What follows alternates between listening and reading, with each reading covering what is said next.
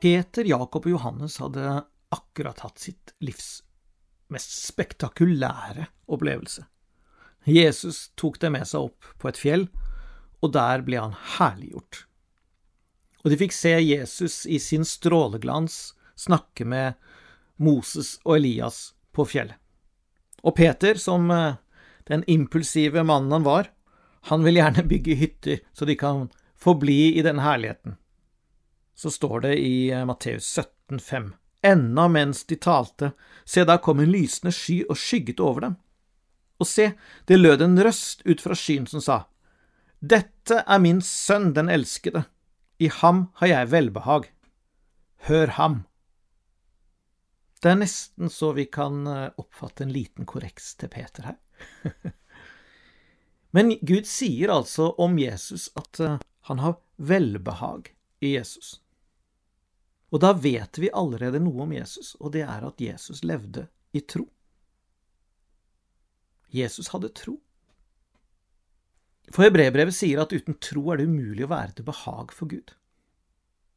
Så hvis Jesus hadde tro, ja, da må vi ha tro også. Men hva er nå tro, da?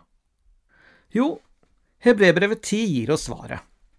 Men den rettferdige av tro skal leve, står det i vers 38. Og dersom han unndrar seg, har min sjel ikke behag i ham. Der har vi den igjen.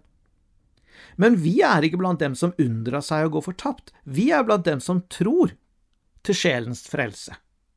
Men tro er full visshet om det en håper, overbevisning om ting en ikke ser.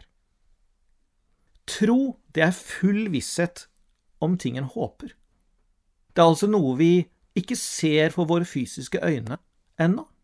Det er noe vi ikke kan ta og føle på ennå.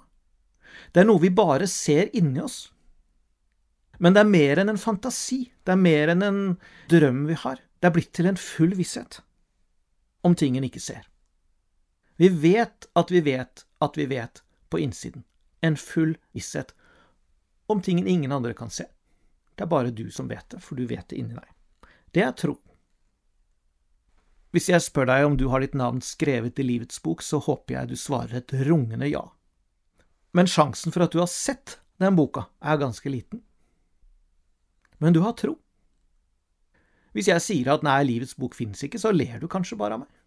Det preller av som vann på gåsa, for du har en full overbevisning i ditt indre. Og hvor har du den overbevisningen fra? Jo, du har den fra ordet. Du har lest om Livets bok i ordet, eller du har hørt forkynnelse om det på søndagsskolen eller på bedehuset eller i kirken.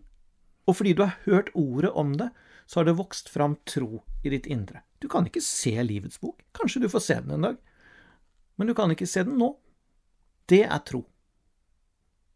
Jesus gikk inn i sin død i tro.